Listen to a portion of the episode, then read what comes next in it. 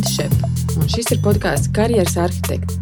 Tavs ceļvedis ar praktiskiem padomiem un metodēm darba dzīves situācijām, kad piezogas jautājums, un ko tālāk. Tās būs sarunas ar cilvēkiem no dažādām industrijām, par viņu karjeras ceļiem un dažādiem veidiem, kā cilvēki realizē sevi. Karjeras arhitektiem var sekot Facebook un Instagram. Tur es mēdzu dalīties ar vērtīgiem resursiem saistībā ar karjeras attīstību. Šodien mana viesņa ir eh, grafoloģija un kriminoloģijas psiholoģija Anita Millere. Anita ir ieguvusi maģistra grādu kriminoloģijas psiholoģijā Cīrihas Universitātē un maģistru neiropsiholoģijā Kembridžas Universitātē. Sadarbojusies ar tiesību sargojušām instancēm Amerikā, Šveicē, Zviedrijā, Vācijā, Dānijā un vēl daudzās citās valstīs. Līdz brīdim, kad iepazinos ar Anitu, es nezināju, ka mums Latvijā ir šāda ekspertīze. Nu, es nebiju dzirdējusi. Un man jāatzīst, ka izdzirdot vārdus grafologs, grafoloģija, man pirmā asociācija bija ar kaligrāfiju, ar glītu rokrakstu izkopšanu. Savulaik pat esmu mēģinājusi tur savu roku likt. Taču tas absolūti nav tas, kas ir kaligrāfija. Un šodien mēs izzināsim, ar ko tad īsti nodarbojas grafologs. Un Anītas arī psihologa praksa, kāda ikdienā ir bijusi. Un kur šādu ekspertīzi iespējams pielietot, un cik viegli vai grūti ir pārstāvēt, nu, var teikt, tik nepopulāru uh, mītiem apvīdu zinātni. Čau, Anita! Čau! Man prieks, ka piekrīt padalīties savā stāstā, jo es zinu, cik tas ir eh, neparasts. Es atceros, kad izdzirdot par tavu stāstu no kāda cita cilvēka, man likās, vai tā arī notiek dzīvē. Jo tavs sižets ir tāds, nu, kino cienīgs, un es degu nepacietībā iegrimt mūsu sarunā. Pirms mēs ķeramies tavam personīgam stāstam, uzreiz ievedam, pastāsta mums, kas vispār ir grafoloģija. Grafoloģija tā ir tāda interesanta zinātne, kas pēta mūsu rokrakstu, un lai cik varbūt tas, tas sākotnēji maģiski neizklausītos, patiesībā tā ir ļoti nopietna zinātne ar izstrādātu metodiku, kuru ir iespējams atkārtot. Uz to ir bāzēti diezgan pamatīgi pētījumi. Pamatā tie pētījumi tiek veikti neiropsiholoģiju praksēs psihiatrijas klīnikās, Un mūsdienās jau tā ir diezgan tālu attīstījusies, ka to izmanto jau arī ikdienā, ne tikai izmeklēšanā, bet arī jau personāla atlasē. Tiesa gan Latvijā šī ir nepopulāra lieta. Un princips tur ir tāds, ka pēc tā, kā mēs veidojam rokrakstu, pat ne pēc rokraksta izskata vai glītuma, bet tieši kā mēs veidojam katru simbolu, nu, respektīvi burtus, var noteikt, kāds ir cilvēka raksturs. Un tad ir tā, jo vairāk tev viena iezīme atkārtojas, jo spēcīgāk ir šī tava īpašība, jo retāk, jo retāk izpausme. Un attiecīgi no rokraksta var pateikt, vai tu zaksi, vai tu nezaksi, vai tu esi godīga, lojāla persona, vai tev var uzticēties, kādas ir tavas stiprās puses, vājās puses.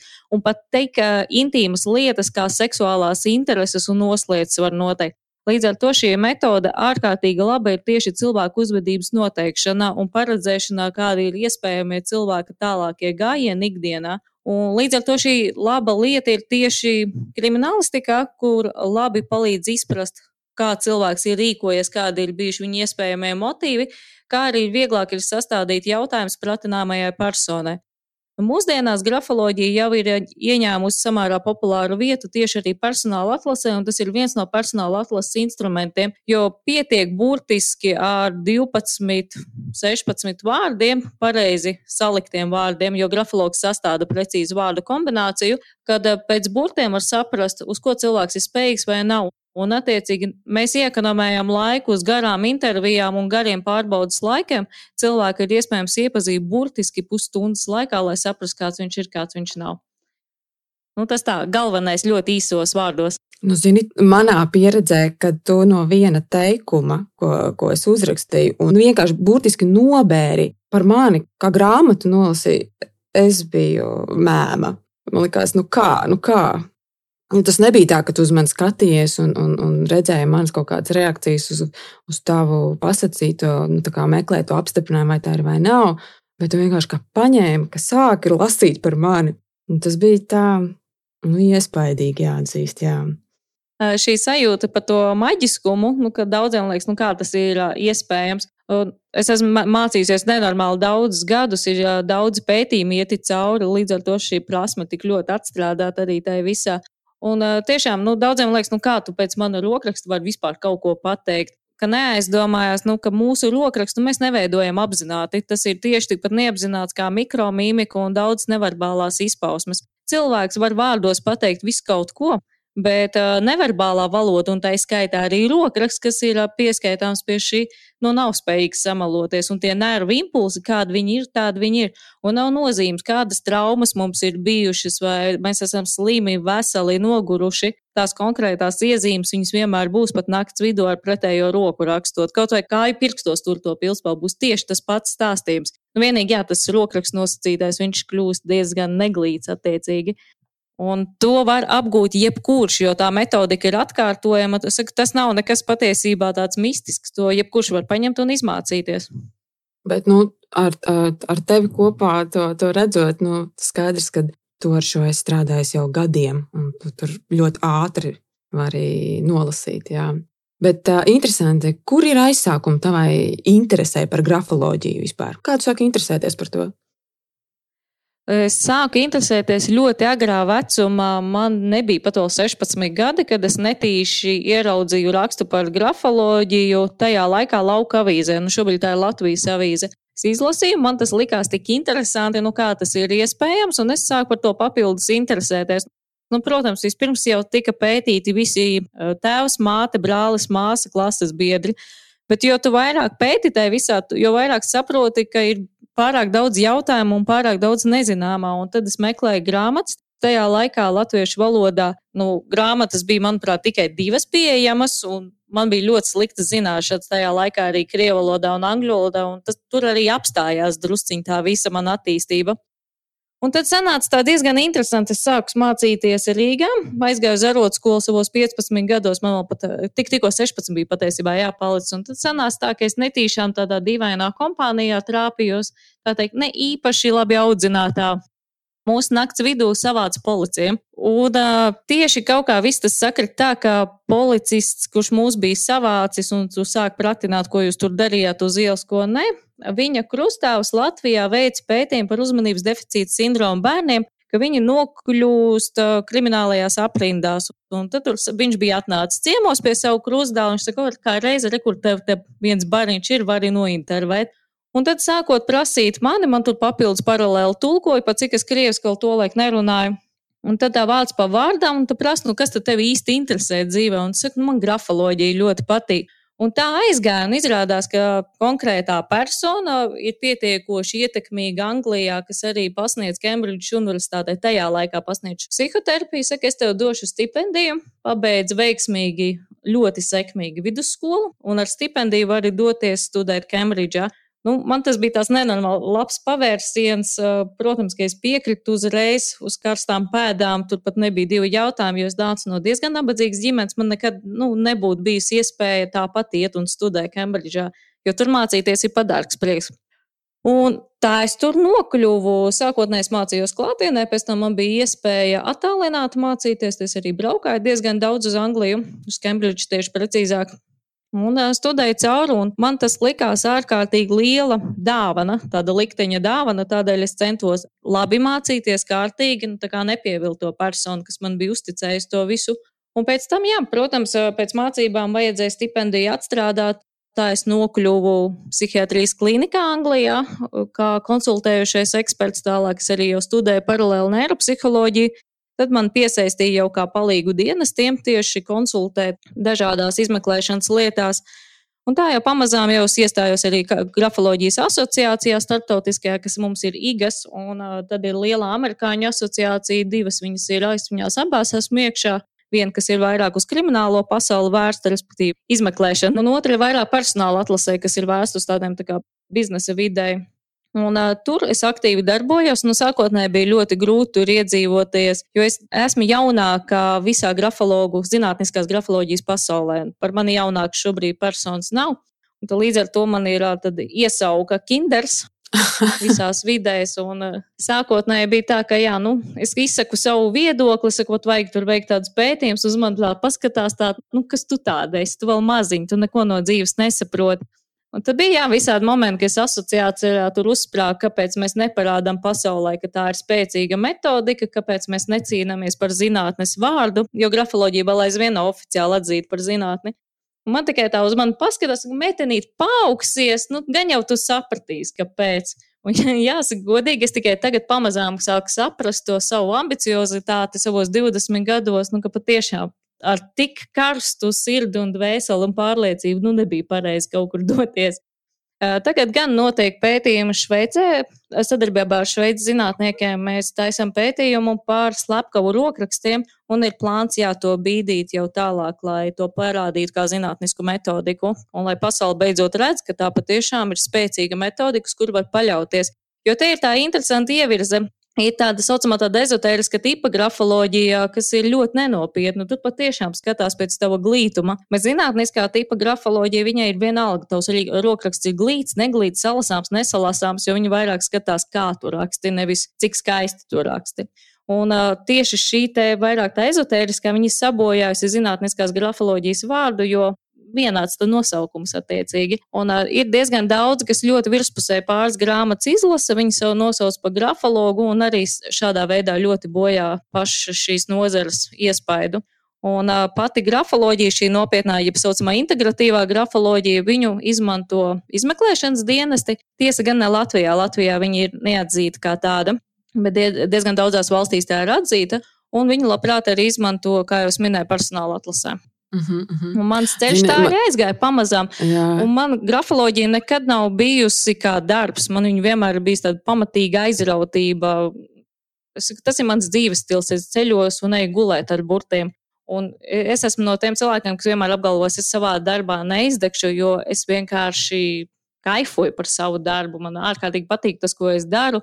Un es vienmēr nenogurstoši visiem varu atbildēt un stāstīt par burtiem, cik tas ir efektīvi, kā mēs varam uzlabot savu dzīvi, kā mēs varam sevi realizēt, jo tas ir ārkārtīgi vienkārši. Tev viss parādās priekšā, kas tev ir jādara tavā rokrakstā.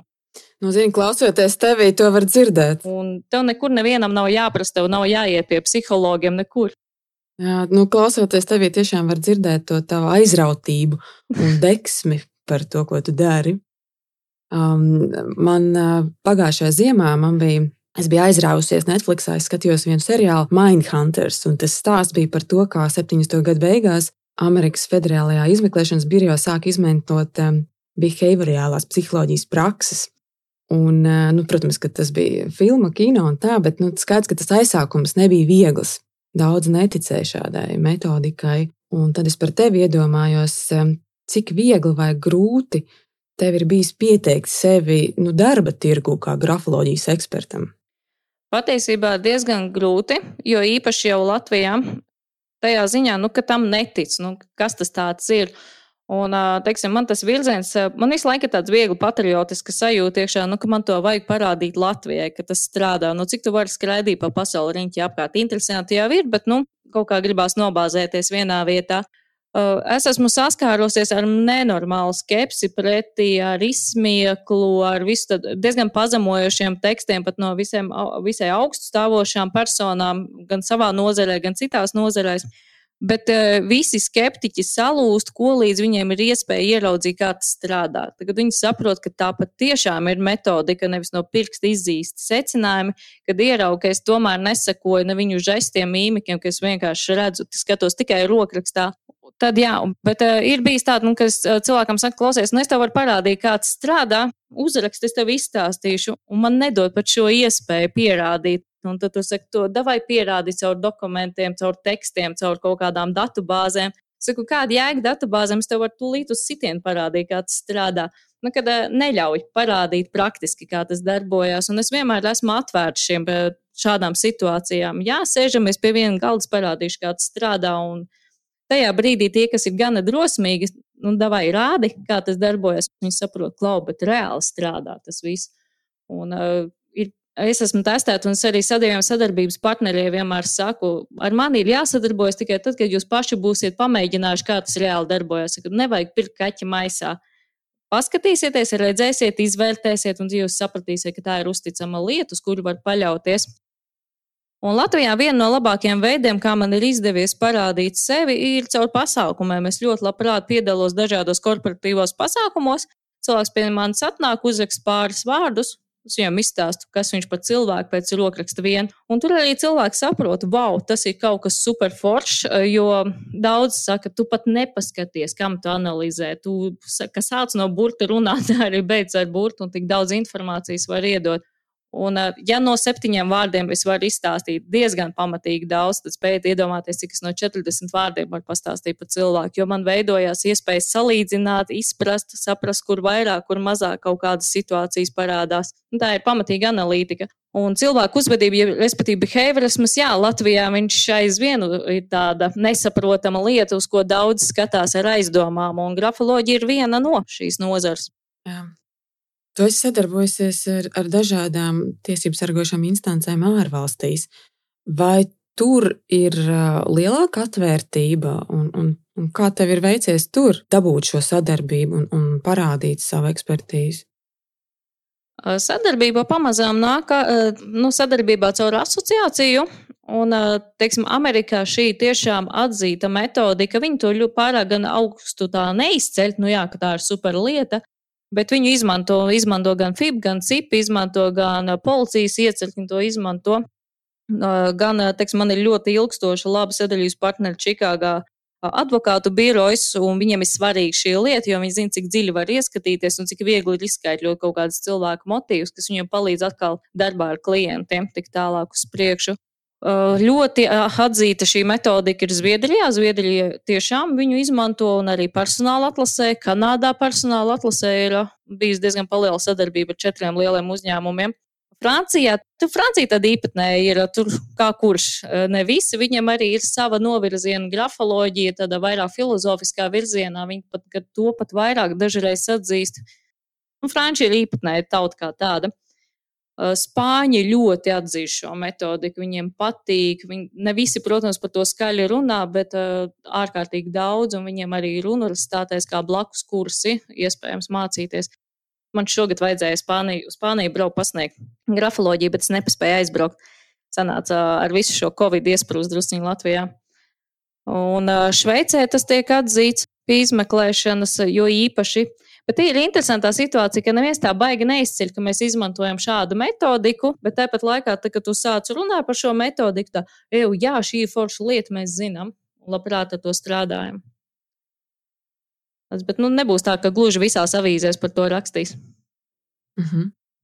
Vai tu vari mm, padalīties, nedaudz ieskicēt, kā praktiski notiek tavs uh, grafologa darbs uh, kriminoloģijā?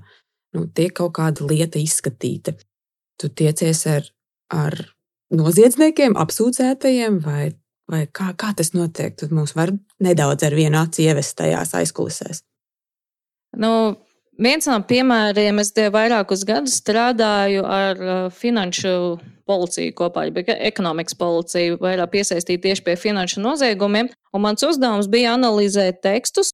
Šeit ir drusku cits grafoloģijas novirziens, analizēt drukātos tekstus, respektīvi e-pasta sārakstes, čatus, tos pašus WhatsAppus, Viberus caur. To arī grafologs dara, analizēt tekstus. Bet tas jau ir vairāk tās drusku pēc vārdu sakārtojuma un izteiksmes veida, ka tiek izsacināta cilvēku uzvedība un tam līdzīgi.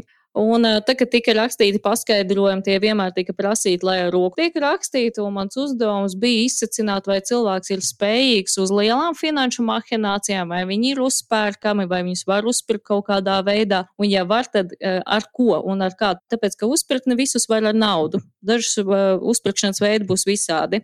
Un tas bija ļoti svarīgi saprast, kādā veidā viņus var, teiksim, kaut kādā brīdī iegāzt. Un, uh, respektīvi, viņa pratinošanas ceļā var saprast, kurš vainīgs, kurš nē. Eh, tas bija mans galvenais uzdevums. Tas bija diezgan ilgu laiku. Es arī darbojos pie uh, saucamās likumības policijas, tieši ar pedofīlijas lietām bija sasieta. Tas bija briesmīgs laiks, jā, bet tāpēc rokrakstu vajadzēja noteikt, vai cilvēks ir spējīgs uh, veikt seksuālus noziegumus. No tā perioda man bija diezgan labs potenciāls tur ilgstoši palikt, un man labi izdevās tas viss, bet es pati neizturēju psiholoģiski, jo man likās, ka visu uz ielas ir noziedznieki, man pat cik pašai mājās trīs bērni, es teicu, nē, man lūdzu pārceliet kaut kur drusku citā virzienā. Psiholoģiski smagi tajā ziņā, kad tu pārstāji uzticēties vispār cilvēkiem tādā ziņā, jo Anglijā šīs noziedzības līmenis ir ārkārtīgi augsts.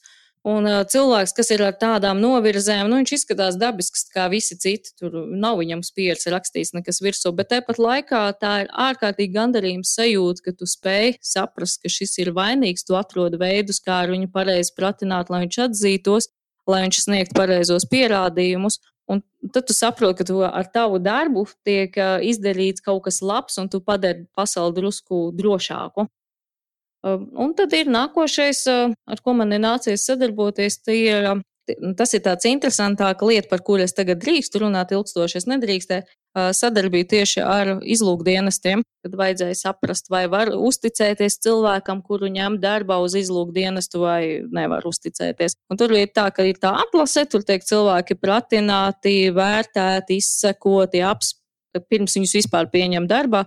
Un mans pienākums bija arī pilnīgi sastādīt psiholoģisko portretu un sastādīt atbilstošos jautājumus, lai cilvēku kā, provocētu uz kaut kādiem pārkāpumiem, un tad, lai saprastu, viņš ir spējīgs šos pārkāpumus veikt vai nē. Nu, tas bija ļoti būtiski pirms pieņemt izlūkdienas tā šādas personas. Ak, Dievs, cik interesanti! Nu, pilnīgi kā skudriņi skrien pāri. Labi. Um, kā, kā personāla vadībā tiek izmantot grafoloģija, vai tev ir kāds reāls piemērs uh, sadarbība ar kādu uzņēmumu, jā, kur, kur personāla vadībā tika izmantots? Personāla vadībā ir vairāk virzieni. Pirmais jau ir tieši personāla atlasē, jo teiksim, pati intervija saruna ir diezgan gara ar pašu kandidātu. Un uh, grafoloģija vairāk izmanto tieši, kur tiek ņemti nu, augstos amatos, nevis uh, zemākos, bet tie ir augsta, augstākā līmeņa vadītāji, valdes līmeņa vadītāji un tam līdzīgi uz augšu. Un lai būtu pēc iespējas mazāks risks kļūdīties, tad grafoloģijas metodika ir viena no, ko izmantojot. Tāpat tās ir intervija, tāpat tās nereti daudzos uzņēmumos ir psiholoģiskie testi, un tā grafoloģija viņi ņem klāt vairāk ar mēģi saprast, vai persona ir ar noziedzīgām noslēcēm, vai nav kaut kādas tur problēmas ar lojalitāti vai protīs konfidencialitātes nosauklāpumus glabāt. Vairāk ir šādas prasības tieši. Un šī metodika ļoti labi strādā Latvijā. Es neesmu tiesīgi atklāt uzņēmumus kā tādus, bet Latvijā ir seši uzņēmumi, kas ļoti aktīvi izmanto grafoloģijas metodiku. Ik pa laikam man atsūta paldies, saka ārpats, cik veiksmīgi ir izdevies dažas lietas atklāt laicīgi. Un ir tā, ka sākotnēji bija, kad viņi mēģināja, viņi tas, ka, oh, grafoloģija parāda vienu, bet uh, vispārējais liecina par pretējo. Nu, viņi tagad paņems darbā paskatīties, un beigās man ir tas gandarījums, kas ir klausies, Anita, bet tava grafoloģija bija patiesāka. Izrādās, ka tiešām cilvēkam ir tādas noslēdzes, ar kurām mums ir jārēķinās. Otra lieta, kur personāla atlasē, laba lieta ir, teiksim, ja uzņēmumā rodās kaut kādas konflikta situācijas, tad tieši ar grafoloģijas metodiku visātrāk var saprast, kur ir problēma un kā viņus labāk risināt. Un šeit jau es nāku klāt jau vairs ne tikai kā grafologs, bet arī kā neiropsihologs un palīdzu konsultēt, kā salikt precīzāk komandas, kā šos konfliktus ērtāk būtu risināt, tā lai cilvēkiem būtu iespēja sevi attīstīt. Un dažkārt nav nekāda vajadzība nevienu atlaist no darba, ir dažkārt ir tikai nepieciešama komunikācijas uzlabošana kā tāda. Un reizēm ir tāds, ka nu, tiešām personāla atlases speciālisti ir spēcīgi. Mums arī Latvijā viņi cenšas, saka, bet mēs nevaram saprast, no kurienes tas konflikts vispār radās. Un tad grafoloģija ir tā, kas ļauj ieskatīties dziļi dvēselē, saprast, nu, kas ir par iemeslu. Un nereti iemesls nemaz nav darbā. Tas ir kaut kur no privātās vidas nāk, mēs ar cilvēku runājam nostādām viņu faktu priekšā, ka mēs esam lietas kursā, izrunājamies, palīdzam viņam sakārtot šos jautājumus, attiecīgi arī uzlabojot komandas garu pašā uzņēmumā. Nu, to attiecīgi uzreiz arī kāpju produktivitāte un viss pārējais.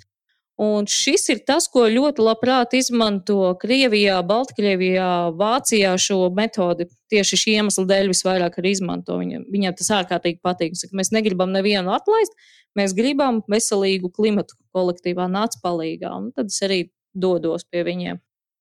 Tev cilvēki apkārt, zinot, ar ko tu nodarbojies, nav bijušas situācijas, kad nu, cilvēki vairās dot savas piezīmes, vai nu, tur, kur tu varētu nolasīt uh, pēc rokraksta kaut kādas sarakstus par viņiem kaut ko. Nav bijušas tādas situācijas.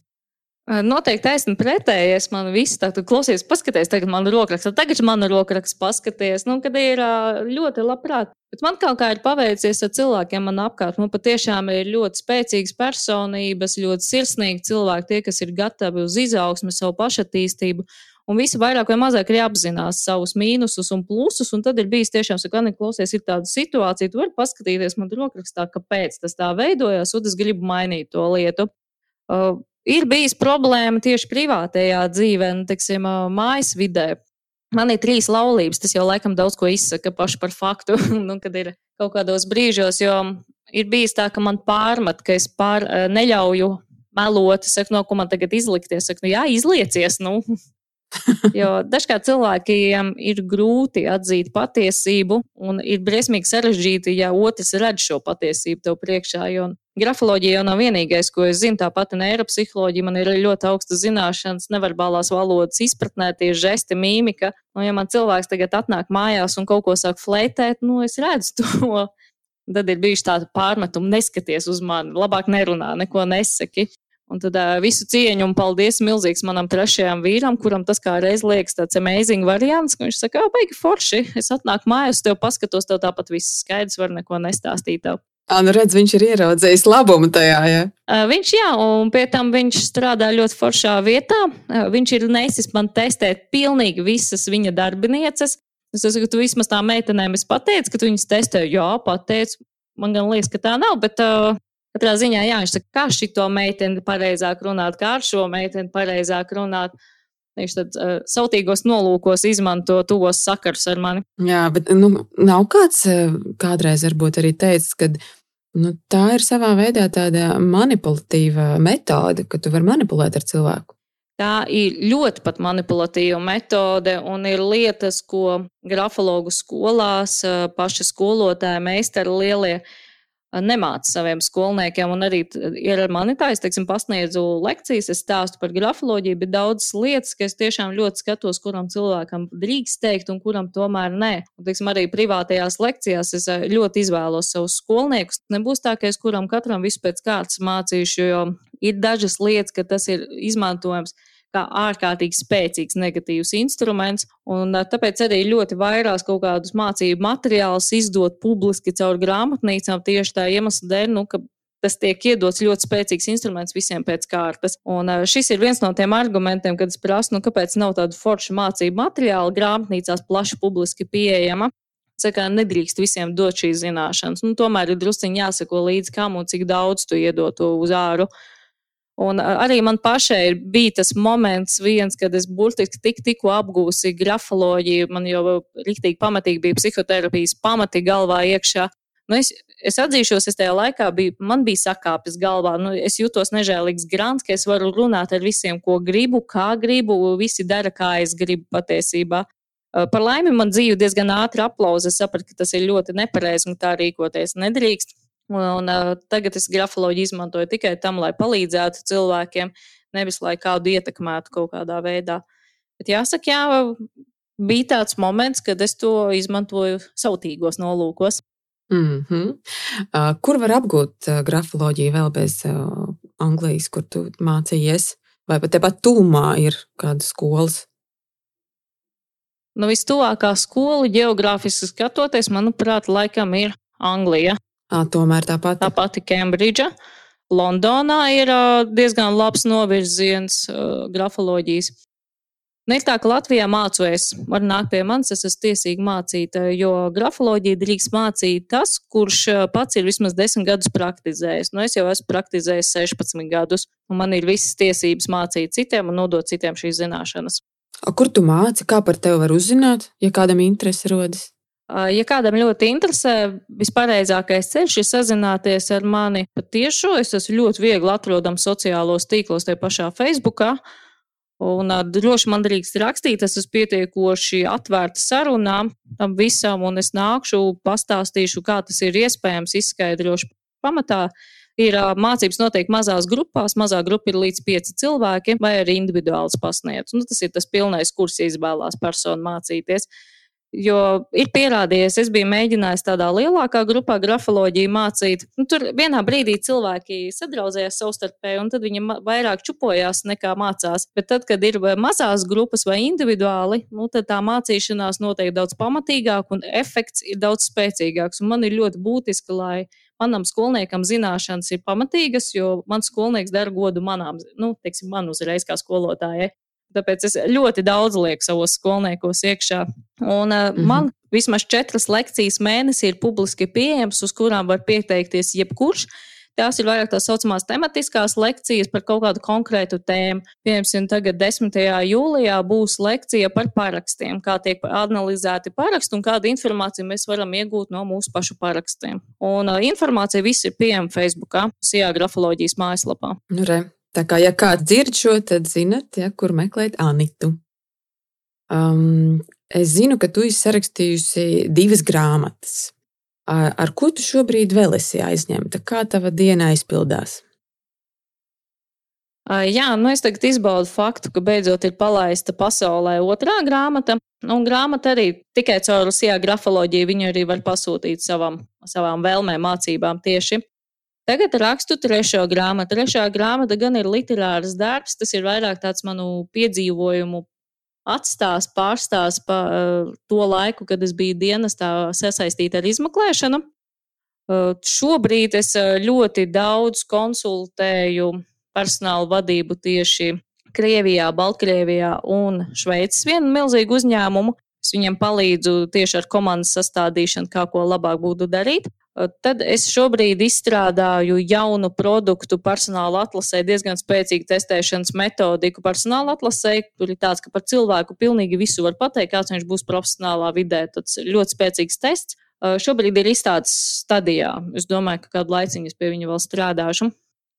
Veidojam startupu absolūti jaunu uzņēmumu, kurā ar mani kopā startēs behaviorisma speciālists Latvijā Un mēs veidosim to domu, ka tieši mūsu komanda spēcīgi palīdzēs tieši uzņēmējiem, uzņēmēju vadītājiem, personāla atlases speciālistiem veiksmīgāk un ātrāk izvēlēties sev kandidātus, jaunus kolēģus un tam līdzīgi. Šāda aģentūra pasaulē līdzīga ir tikai Amerikā. Es drusciņš špikoju no viņiem idejas, un es gribu kaut ko līdzīgu uztaisīt Latvijā. Uh, ar vēlmi palīdzēt cilvēkiem. Plus es gribu ieviest Latvijā arī vairākas jaunas terapijas metodas tieši priekš psihoterapijas, jo mūsu sabiedrībā es daudz novēroju, ka daudziem ir nenormāli daudz dažādu baiļu.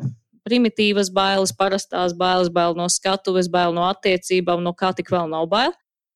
Un uh, ir diezgan daudz spēcīgas terapijas metodikas, kas Latvijā ir nepopulāras. Praktiski arī vairākas no tām nav, kuras es gribu ieviest Latvijā, lai viņas beidzot ir. Viņas ir efektīvas, spēcīgas, kas var palīdzēt cīnīties tieši ar šīm bailēm uzlabot savu pašvērtējumu, kā tādu drosmi uzstāties skatuves priekšā. Nu, tas būs tāds jaunums, ko es ceru šogad vēl paspēt ieviest, nu, uzsākt, pareizāk sakot. Nu, darba pilnas rokas, ko tikai tu nedari, kā visam laiku tam atrod.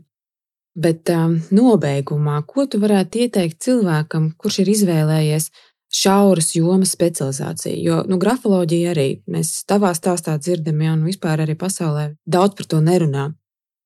Kāda ir iegūma tajā, ka tev ir šī šaurā ekspertīze? Iegūms ir tāds, ka ja mēs darām to, kas mums patīk, patiesībā visi šķēršļi ir ļoti viegli pārvarami. Galvenais noslēpums ir tajā, lai mēs mīlam to, ko darām, patiešām un no sirds. Es saviem bērniem arī regulāri saku, man nav nozīmes, kas jūs būsiet nākotnē. Galvenais dara to no sirds, un tad būs panākumi, tad būs rezultāti. Un tad katra diena būs kāds jauns piedzīvojums, tie būs jauni izaicinājumi, un nebūs tā, ka izdegsiet vienā brīdī. Un tas vienmēr dod tādu savā ziņā gandarījumu, un katra kaut kas sīkākā uzvar, tas ir tāds iekšā, yes, ir kaut kas panākts, ir kaut kas uh, feins izdarīts šajā pasaulē. Tas dod ārkārtīgu gandarījumu. Uh, Bet te tas nozīmes, ka patiešām tas ir jāmīl. Nu, tam tā ir jābūt sirds kaislībai vistīrākai iekšā. Jo savādāk ātri sadegsiet, ātri gribēs kaut ko citu darīt. Mm -hmm. nu, kas ir, ko jārēķinās, kas nebūs viegli, ja tu ņem šo šauro specializāciju? Kas ir tās grūtības tajā ceļā? Primāri pirmās grūtības jau ir tas, ka no sabiedrības sākumā ļoti daudz nāk no malām. Tu to neizdarīsi, tu to nespēsi, tev tas nesanāks, priekš kam tev to vajag. Tu ar to nespēsi nodrošināt citiem, nu, teiksim, bērniem, respektīvi, nespēsi nodrošināt nekādu normālu dzīves kvalitāti. Šausmīgi daudz negatīvas man nāk no apkārtējās vidas, jo īpaši jau starp citu ne tiem pašiem tuvākajiem cilvēkiem, no ģimenes locekļiem kam tev to vajag, labāk dari kaut ko citu, otra, kur ir profesija, tur tu vairāk vari nopelnīt. Tas, tas ir tas, ar ko primāri ir jārēķinās un jāsaprot, ka tam ir jāspēj pārkāpt pāri un jāpaskaidro, nu, tomēr, ka tā ir tavs sirds lieta, kaut kad tas tomēr atmaksāsies, un tā tas arī notiek.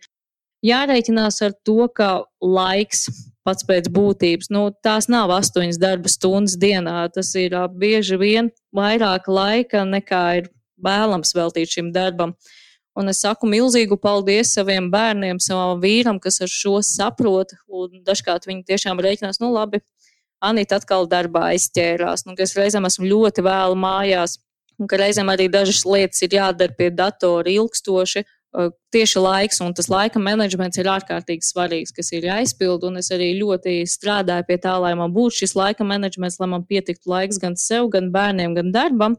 Bet tas ir tas, ar ko jārēķinās, ka laiks tas ārkārtīgi daudz paprasīs, viss tas ieguldījums un jāmācās visu laiku. Nekad tu neapstājies savās mācībās, visu laiku notiek attīstība uz priekšu, visu laiku jāveic kaut kādi pētījumi, pašam jālasa, jāskatās līdzi. Nu, tas, tas ir galvenais, ar ko jārēķinās. Kas tev ir palīdzējis um, nu, turēties pret, jeb, jeb, jeb neņemt pie sirds visus tās ārējos sabiedrības spiedienu, kas tev saka, ka Nu, jā, tu ma maizi ar to nenopelnīsi. Kā tu esi spējis distancēties no tā? Es esmu šausmīgi spītīga. Uh, tas laikam ir viens no, kāpēc tas man palīdzēs. Uh, otra lieta, man ļoti patīk lasīt. Uh, es šausmīgi daudz lasu patiesībā dažādas grāmatas par spēcīgām personībām, un vēsture pierādījusi, uh, ka jebkurš, kurš ir cēlumlauzis kaut kādā jomā un vidē, nu, viņam neiet viegli, un viņam sākumā ir jāsaskarās ar šo, un tas savā ziņā man iedrošināja. Es vienmēr atcaucos uz Einsteinu, un viņam arī nebija viegli, līdz viņš sev pierādīja. Un praktiski uz jebkuru spēcīgu personību pasaulē, ko mēs paskatāmies, nu, nav gājis sākumā. Un pie tā es esmu pieturējusies, ka sākuma ceļš ir grūts, un pēc tam būs kārtībā un vieglāk. Un ir bijis tā, ka es distancējos arī no cilvēkiem, kas pārāk daudz negatīvas sāk grūst virsū. Es vienkārši cenšos uh, mazāk komunicēt, cik vien tas ir iespējams, un vairāk atrasties vidē, kur mani atzīst, vairāk atbalsta, un es ar tādiem cilvēkiem Un šo es arī patiesībā daudziem gribētu novēlēt, ja jūs gribat kaut ko dzīvē sasniegt, nu esat starp cilvēkiem, kas jūs atbalsta. Jo tas ir ārkārtīgs grūdienis uz priekšu, nepadoties. Jo tie mirkļi, kritieni, kad liekas, eh, visu labāk pamest un darīt kaut ko citu, nu viņi pienāk ik pa laikam. Un tad ir, ja ir tas atbalsts, nu, vai saņemies, tu to vari, nu, tad jā, tas paceļ uz augšu. Un tāpēc ir jāatrod starp cilvēkiem, kas mūs iedvesmo, uzmundrina ir vērts izlasīt labu grāmatu, aizbraukt kaut kur no visiem projām, patvērties. Man ārkārtīgi patīk aizbraukt uz Islandi. Nu, tagad tā mazāk sanāk tur nokļūt. Bet uh, tas ir tā vieta, kas ļoti uzlādē ar saviem kalniem svaigo gaisu. Ta, tas ir tas, kas ir svarīgi. Un šajos grūtajos, negatīvos mirkļos, jā, es vienmēr vēros pie kaut kādiem cilvēkiem, kas jau dzīvē ir sasnieguši ļoti daudz. Es palasu viņu kaut kādus citātus, palasu viņu pašus, Man ir izdevies sazināties ar Ričardu eh, Bensonu. Ar viņu mēs esam komunicējušies, un viņš saka, Anita, vai turies nepadodies, tu vari daudz ko. Un tas uzmundrina, tas patiešām paceļ to noskaņojumu. Tā, tā, tā, nu tu mums iemeti tādu, klausies, uzreiz intrigu. Kā tu sazinājies ar Ričardu Brensonu un kāpēc? Kas jūs saveda kopā? Rokraksti saveda kopā, kas gan cits. Uh, Reizēm ir tāds, ka man ļoti gribās iepazīties ar kādu superīgi interesējošu personu, un tad es metu visu kaunu un kautrīgumu pie malas un vienkārši uzrakstu vēstuli. Nu, ko sliktākais var notikt? Vienkārši man neatbildēs šo vēstuli, bet es tur ielieku visu savu dvēseli, kāpēc man ir interesanti ar šo personu sazināties, piemēram. Un pagaidām nav bijis tā, ka man neatsauktos, bet tiešām ir atnākušas atbildes pretī, vai nu piezvana atpakaļ, sazinās, Citiem ir tīri ziņkārības pēc, nu, kas tu tāda esi, kāpēc tu tā iedrošinājies pēkšņi kaut ko rakstīt. Un tas, ka es teicu vēstulēs, nekad neprasu, ne, ka man naudu vajag neko. Saku, man tur interesē ieteikums, padoms kaut kāds. Galu galā man interesē jūsu rokraksts. Ir bijuši arī tādas situācijas. Un, jā, cilvēkiem tas interesē. Viņi labprāt atsaucās, un tad mēs sarunājamies, vienojamies par kaut kādām lietām, detaļām. Un par ko bija jūsu saruna ar Brensonu? Šeit saruna vairāk sākās ar to, ka man interesē, kā viņš raksta, jo klīst baumas, ka viņš ir ar autiskā spektra traucējumiem. Un man jaunākajam dēlam šis autiskais spektra traucējums, un ar to šī saruna patiesībā pat uzsākās, jo es tikai satraucos, kā viņam nākotnē ies, bet raugoties uz jums, tas iedvesmo, ka viss ir iespējams dzīvē, un tad es viņam stāstīju, kas esmu es pati, kāds ir mans plus-mínus dzīves ceļš ir bijis, ka es labprāt arī viņa rokrakstu ieraudzītu. Un tā vēstule bija diezgan gara, un tad uh, es piedāvāju to iespēju sazināties telefoniski, atstāju savu telefonu numuru. Tad, man liekas, pēc kaut kāda pusmēneša vai mēneša, nu, kas laiciņš bija krietni pagājis. Pēc tam citas rakstīja parasto vēstules, nerakstīja e-mailu. Tu rakstīji uz papīra vēstuli, aizsūtīja? Ja? Jā, un tas arī esot ļoti uzrunājis, ka esot atnākusi parasta vēstule, starp citu, ar roku rakstīta. Tur es biju ļoti pacentusies, lai būtu glītā rokrakstā, jo man patiesībā ir diezgan neglīts rokraksts. Un viņš man piezvanīja un saka, klausies, tev vēstule bija tik īpatnēji interesanta, ka grūti ir neatbildēt. Un tā mums tā saruna aizgāja diezgan labi. Mēs daudz par ko izrunājām. Viņš ir ārkārtīgi superīgs cilvēks, starp citu. Wow, Anita! Man liekas, ka tavs stāsts eh, daudziem būs eh, iedvesmas avots, līdzīgi kā tev Islandes kalni. No tevis var smelt un smelt un mācīties. Man gribas tev teikt milzīgi paldies par tavu stāstu, un tu esi savu ceļu gājēju. Un spriežot pēc dzirdētā, man liekas, ka tev nav šķēršļi, kurus tu nevarētu apiet. Ja vienas durvis neveras, tad tu neapstāsies, tu klauvēs pie nākamajām. Tāpēc eh, man gribas tev novēlēt eh, daudz domu biedru, kas palīdzētu kopt un veidot eh, mums sabiedrībā izpratni par grafoloģiju, kā zinātnē, kā metodiku un kā tā mums var palīdzēt. Tā kā milzīgs paldies tev! Paldies tev par šo sarunu. Un, kā jau es arī šīs sarunas laikā teicu, ja kādu tas interesēs, vienmēr esmu atklāta, atvērta jautājumiem. Es atbildēšu ar lielāko prieku. Man kā tik parunā par burtiem. Tā kā jā, meklējiet Anitu un parunājiet par burtiem. Uh, savukārt, tev, klausītāji, es novēlu Anitas neatlaidību un mugurkaulu, nu, turēties pretī visiem ārējiem apstākļiem, bet uh, darīt to, kam tu tici no sirds. Un tiekamies pēc nedēļas. Atā!